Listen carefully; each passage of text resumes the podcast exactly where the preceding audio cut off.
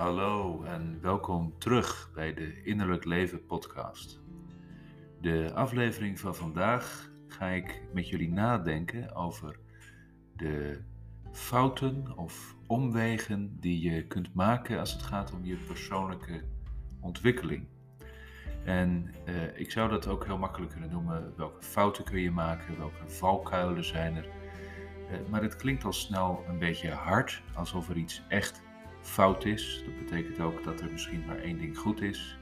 En voor mij is dat in elk geval niet hoe het is. Uh, heel veel wegen leiden naar Rome. En dat geldt ook als het gaat om coaching en therapie en innerlijke ontwikkeling. En het woordje innerlijke ontwikkeling in zichzelf drukt het ook al uit. Als iets innerlijk is, hoe zou het dan in vredesnaam fout kunnen zijn? Iets komt van binnen, je volgt je hart, je doet iets. En ook als het een avontuur is wat misschien eh, over een jaar blijkt niet zo gelukkig uit te pakken, dan heb je er toch heel veel van geleerd. Of heeft het in ieder geval de potentie gehad om je heel veel te leren. En die mindset zou ik wel willen meenemen in deze aflevering. Ehm, enerzijds heb ik uit de praktijkervaring heel veel gezien welke omwegen mensen kunnen maken die eigenlijk hen toch nodeloos klein houden of tegenhouden. Maken dat eigenlijk de worsteling onnodig lang duurt. Anderzijds is er in die omweg of in dat gestuntel ook wel iets authentieks en eigens en kan ik dat ook altijd wel mooi vinden. Iedereen heeft zo zijn eigen pad. Uh, het doel van deze aflevering is dus eigenlijk vooral om je bewust te maken. Niet om te zeggen: dit zijn de vijf of de zeven stappen, zo moet je het doen. Dan zou het een soort opgelegd verhaal worden. Het is eigenlijk de bedoeling dat je hier naar luistert, het al luisterend ook toepast op jezelf en vervolgens ook weer innerlijk kijkt: wat moet ik hiermee of wat kan ik hiermee? En ik hoop natuurlijk dat dit je gaat aanspreken. In de praktijk zie ik een aantal veel terugkomende moeilijkheden als het gaat om de persoonlijke ontwikkeling van mensen in het algemeen, maar wel uh, van leiders en ondernemers in het bijzonder. En daar ga ik op toespitsen. In algemene zin zou je kunnen zeggen dat persoonlijke ontwikkeling in een mensenleven vaak wel ergens door wordt ingeleid of geïnitieerd. Er zijn natuurlijk persoonlijke crisis, eh, burn-outs, levensomstandigheden, relatieproblemen. Je kinderen die precies de leeftijd krijgen waarop jij vroeger vastliep. Al dat soort factoren die kunnen impliciet of expliciet heel veel invloed uitoefenen op je innerlijke leven en dan eigenlijk ook een beweging in werking zetten. En als ik naar mijn eigen praktijk kijk, dan is er eigenlijk altijd wel zo'n uitlokkende factor te onderscheiden waarom mensen aan zichzelf gaan werken. En dat is natuurlijk mijn uh, broodwinning en ook veel belangrijker nog dan die broodwinning, het is ook mijn missie. Ik geniet er ontzettend van wanneer mensen van binnenuit groeien. En eigenlijk kan ik dus ook niet zoveel met de mindset dat je een angstklacht of een somberheidsklacht, hè, waar veel mensen een psycholoog voor bezoeken, zou moeten behandelen alsof het een misser is. Ik zie het eigenlijk als een enorme kans om ook dichter bij jezelf te komen en verder te ontwikkelen. Niettemin is er eigenlijk altijd wel zo'n ja, zo'n zo'n impact moment in een mensenleven waarop mensen aan zichzelf gaan werken en ook tot een stuk persoonlijke ontwikkeling en groei komen.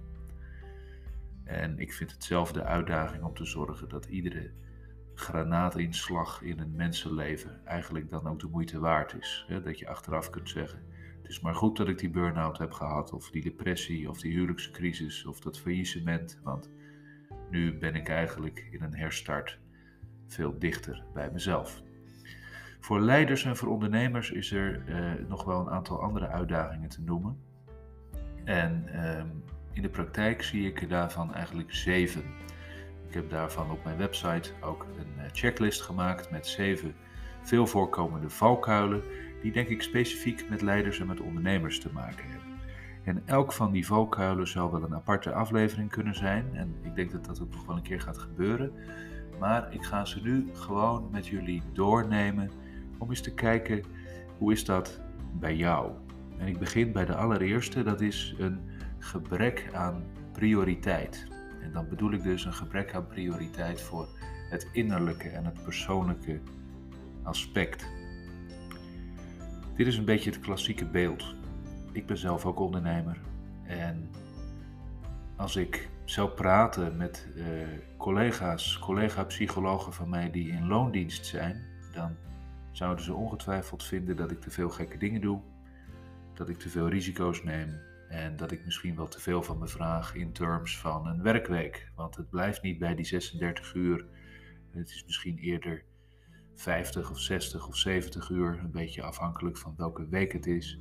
Maar belangrijker nog, uh, als je bedrijf ook echt je eigen bedrijf is en je eigen missie, je eigen verhaal, dan zit het ergens altijd in je hoofd. En dat is natuurlijk niet te vergelijken met een, een loondienstsituatie. En dat maakt eigenlijk voor ondernemerschap en ook leiderschap, waar het niet noodzakelijkerwijs om je eigen bedrijf gaat, maar dan toch wel om een bestuurlijke functie op zijn minst, die hele grote verantwoordelijkheden met zich meebrengt, waardoor er altijd iets aanstaat.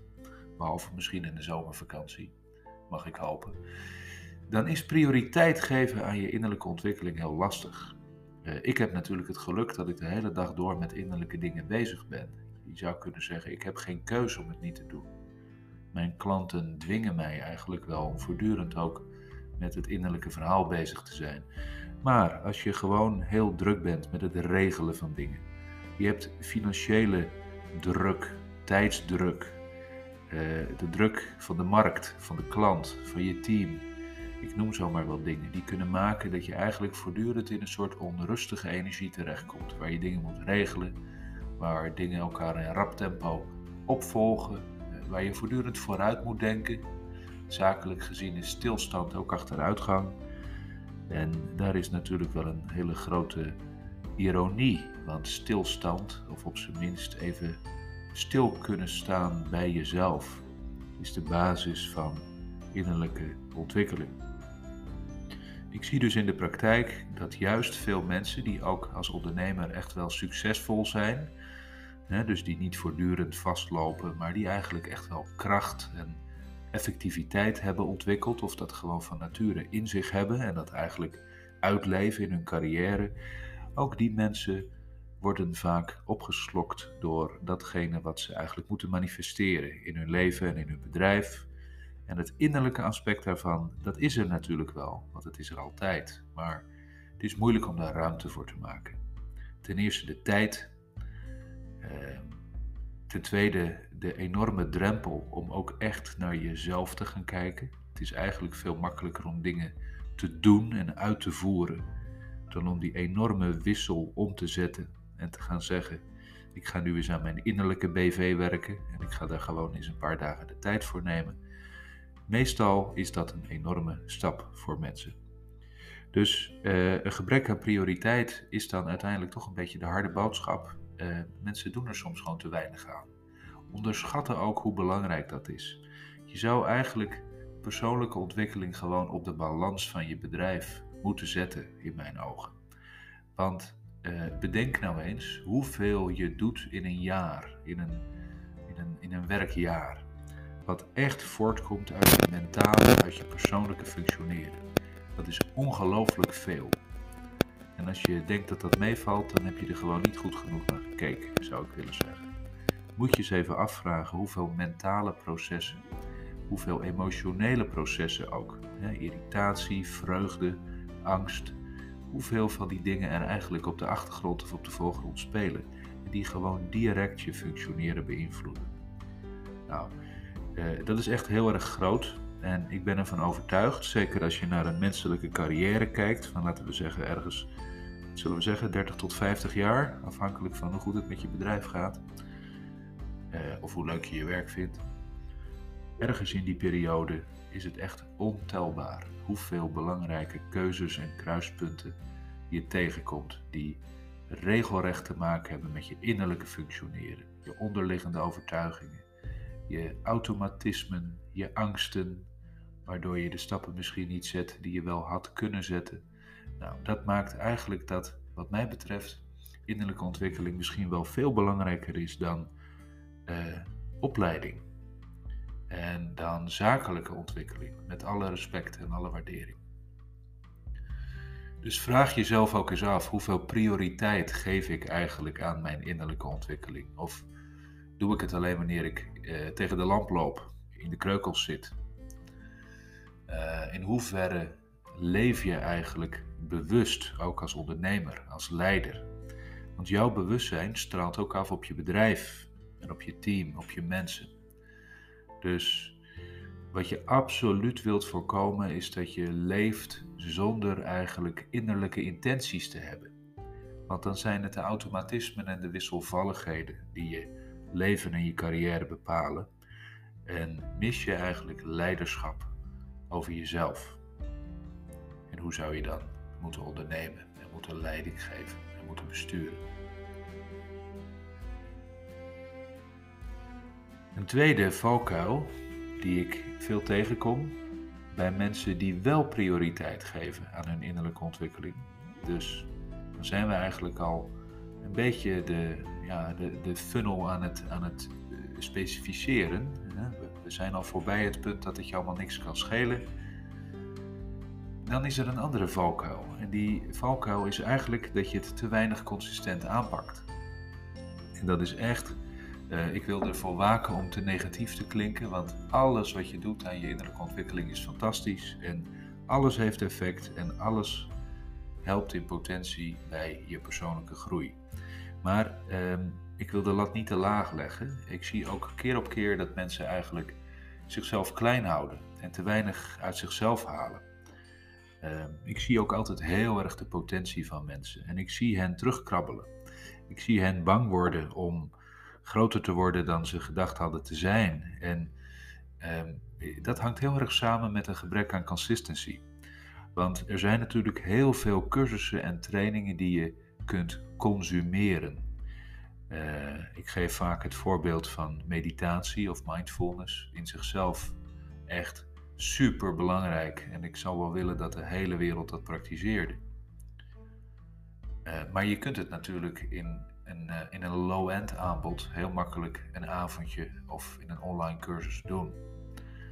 Uh, prachtig dat het er is, maar potentieel veel minder transformatief dan wanneer je dat acht weken lang gaat doen. Coaches, trainers, therapeuten. Ik herken het ook uit mijn eigen praktijk. Mensen die zeggen: kan ik niet in plaats van zo'n intensief programma, kan ik niet gewoon wat individuele sessies doen of kan ik een keertje met je praten? En vanuit de psychologie is dat altijd erg uh, ja, gestimuleerd, omdat het eigenlijk uh, goed is dat er geen drempels zijn voor mensen om hun kwetsbaarheid te tonen. Dus kom er een keertje langs, hè, de koffie staat klaar, bij wijze van spreken. Ook al is dat in de geestelijke gezondheidszorg natuurlijk al lang niet meer zo met de wachtlijsten en met alle moeilijkheden. Maar toch, coaches zijn over het algemeen heel goed beschikbaar. behalve wanneer ze heel erg druk zijn. En ehm, ik denk dat dat prachtig is, maar het, het, het kan leiden tot een valkuil. Dat je eigenlijk even hapsnap wat gaat consumeren, even iets gaat doen.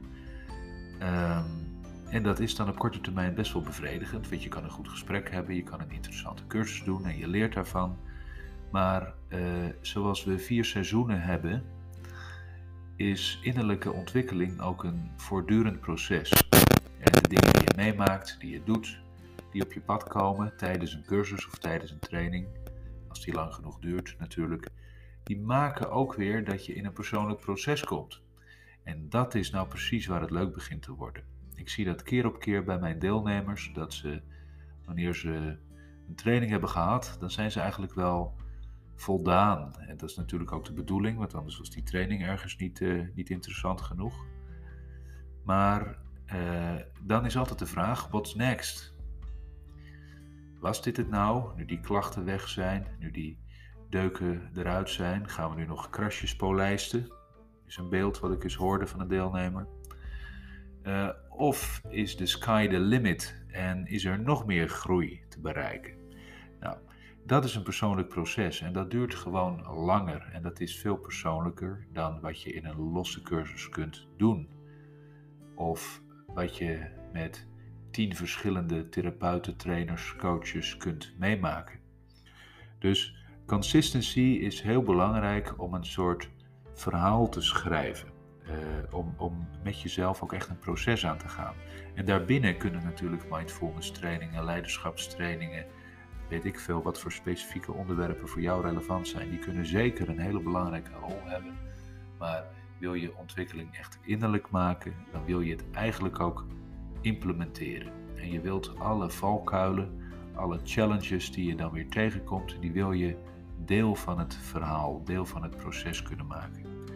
Ehm, potentieel is dat superkrachtig, want alle veranderingen worden uitgedaagd. En dan ja, ga je een keer ballen tonen als leider en dan uh, vindt dat team dat toch niet zo leuk. En misschien ga je eindelijk eens heel veel contact met je innerlijke drive maken en vind je vrouw of je man of welke partner je dan ook hebt dat toch wel heel intens en roept dat angsten op. Nou, dat kan allemaal. Dat is eigenlijk best wel normaal ook. Maar dat soort uitdagingen die mensen helpen om echt verder te komen, die moet je eigenlijk eh, consistent volgen en implementeren. Er is heel veel follow-up nodig om even als de vier seizoenen in een jaar eigenlijk ook die golvende beweging van de persoonlijke ontwikkeling gewoon te kunnen volgen. En geen mens is elke dag hetzelfde. En hoe dieper je verandert, hoe meer tijd je ook nodig hebt om het door te kunnen laten werken op alle gebieden van je leven. Tekort aan diepgang is de derde die ik uh, heel veel noem. En dat is ook wel een beetje een stokpaardje van me geworden. Uh, waarom? Nou, uh, misschien gewoon omdat het een persoonlijke verslaving van me is om altijd te zoeken naar wat zit erachter, ook bij mensen. En dat doet iedere therapeut en iedere coach natuurlijk ook anders. Je kunt heel goed oplossingsgericht coachen, waarbij je eigenlijk aan de hele achtergrond van een verhaal voorbij kunt gaan en gewoon patsboom naar een oplossing toe gaat. En dat heeft waarde. Dat is prachtig. Um, en als dat geen diepgang heeft, is dat op zich ook geen probleem. dus je, je, je, je krijgt wat je vraagt. Um, ik denk zelf dat diepgang wel belangrijk is. En ik, ik zou dat willen benadrukken op, op twee manieren. Uh, diepgang is uh, letterlijk ook iets wat refereert aan de diepgang in de gelaagdheid van ons brein. Ehm, alles wat wij doen met het rationele en het, het bewuste, waar we over kunnen denken, over kunnen praten, is in ieder geval voor een belangrijk deel gerelateerd aan wat je in één woord zou kunnen noemen de neocortex. Het gebied in de hersenen wat veel talige en uh, bewuste functies uh, omhelst.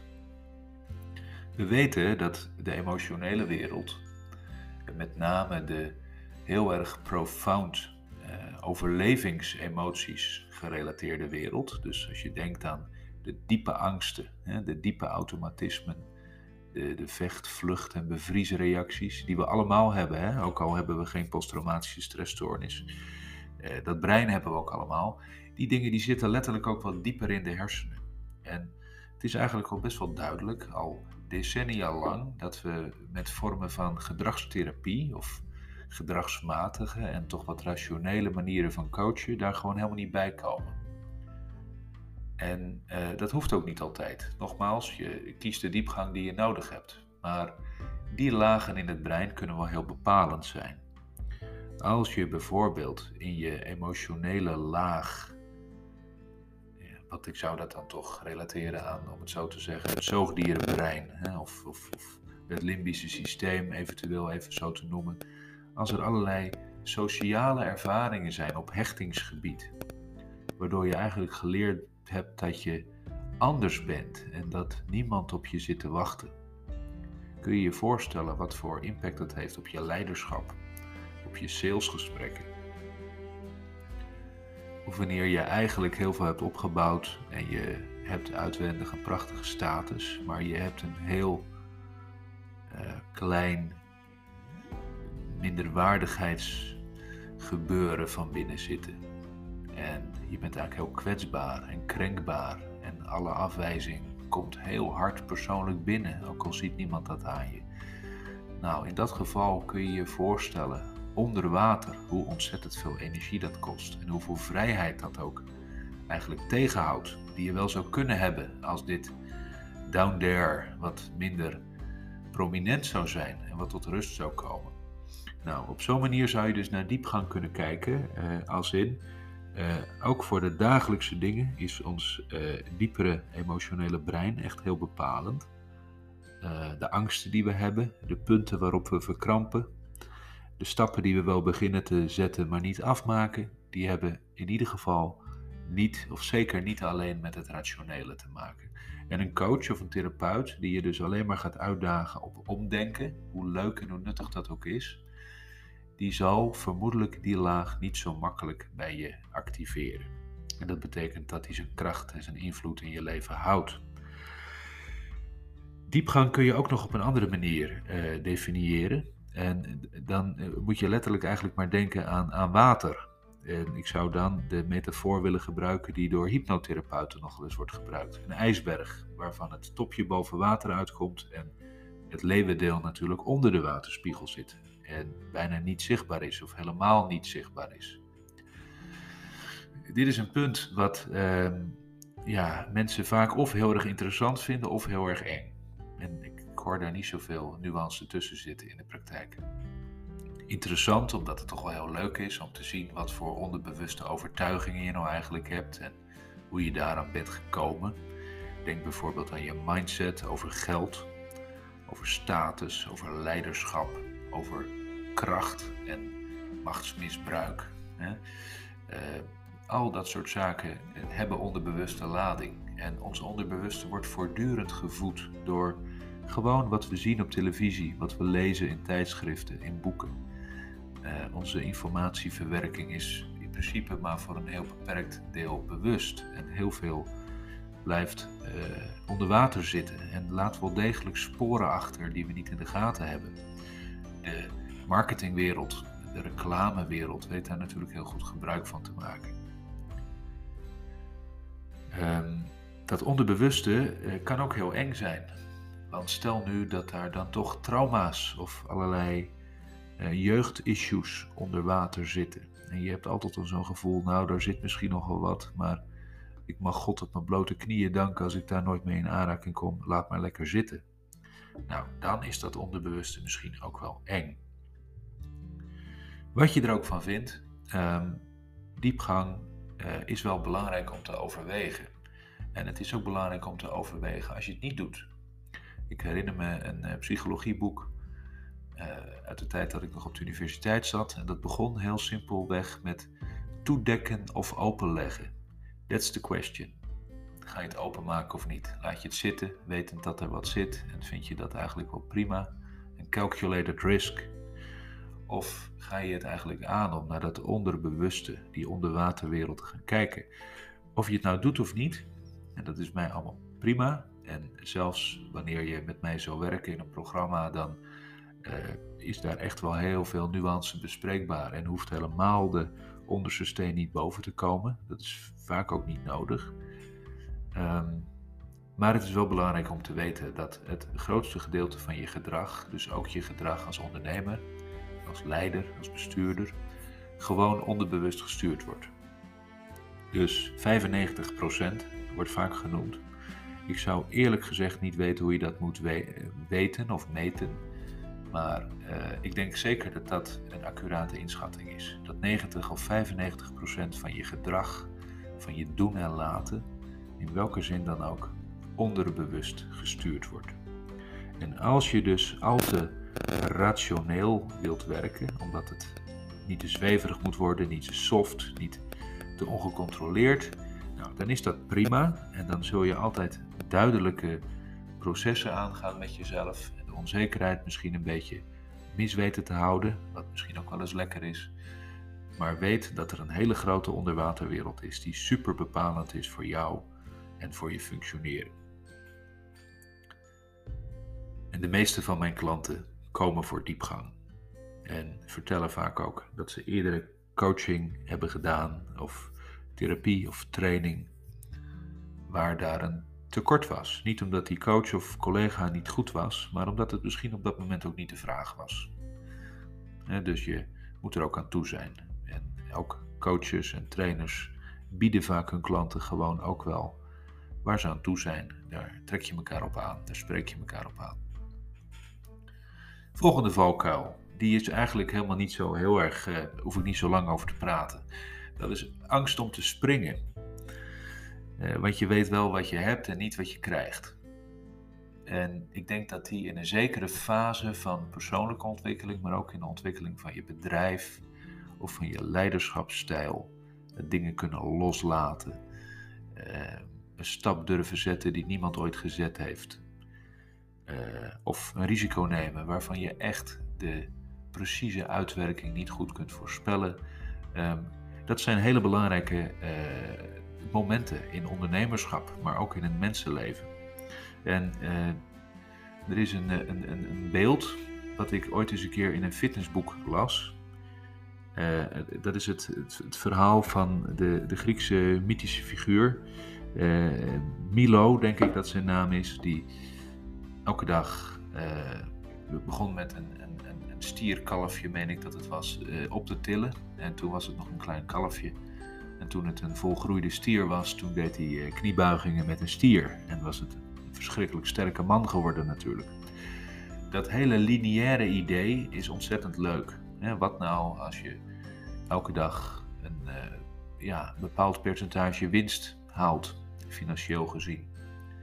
Of wanneer je elke dag een stukje gedragsverandering kunt uh, implementeren bij jezelf of in je bedrijf?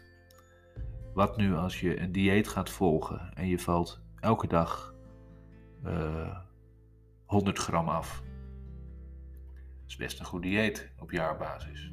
En ik denk dat die verleiding er voor veel mensen is wanneer het om ontwikkelingsvragen gaat, van welke soort dan ook, om lineair naar dingen te kijken. En om een lang verhaal kort te maken, ik denk dat dat een hele grote valkuil is. Want daarmee zet je de toon voor een hele langzame, geleidelijke verandering, die eigenlijk dus weinig power heeft. Want als die veel power had, dan zou die veel sneller gaan en veel grotere sprongen maken en brokken maken. Uh, maar er zijn andere krachten in je leven aan het werk en dat bedoel ik helemaal niet zo mystiek als het misschien klinkt, maar uh, er zijn hele grote factoren en, en invloeden in ons leven die veel krachtiger zijn dan die 100 gram per dag. En uh, de meeste persoonlijke ontwikkelingsprocessen zijn niet lineair. En het is eigenlijk altijd belangrijk dat je niet uh, een, een, kalfje gaat tillen wat elke dag een beetje groter wordt. Uh, maar je zult sprongen moeten maken, stappen moeten zetten. En de implicatie daarvan is dat je echt wel weet wat je hebt en niet wat je krijgt. En dat je onzekerheid moet leren omarmen. Ook dat je eigenlijk moet leren om heel goed op je innerlijk af te gaan. En dan zijn we toch weer bij de innerlijke ontwikkeling en het innerlijk leven. Want je kunt op een punt in je leven komen dat je eigenlijk alles hebt wat je dacht te hebben of te willen hebben. Eigenlijk is het ego tevreden, om het even in die term te beschrijven. Maar de ziel trekt naar wat anders. Innerlijk weet je, dit is het niet.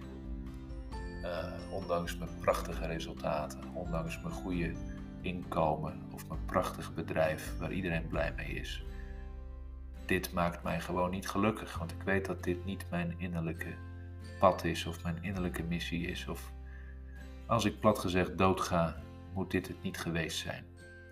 Nou, je voelt wel aan dat soort afwegingen in je leven zijn niet lineair en die vragen echt een sprong. En het is een hele kunst om goed begeleid te worden. En ik vind het zelf ook altijd weer een hele kunst om mensen te begeleiden in een sprong. Want het maakt mij als begeleider of als coach ook onzeker. Ik weet ook niet wat ze krijgen. Maar tot nu toe zie ik altijd dat ze iets veel mooiers krijgen. Want er is eigenlijk van binnenuit al een honger naar een, een stap of een sprong. Die eigenlijk, ja, die kun je in je hoofd al maken. Maar het is zo eng om hem echt te gaan maken. Nou, deze dingen zijn heel belangrijk.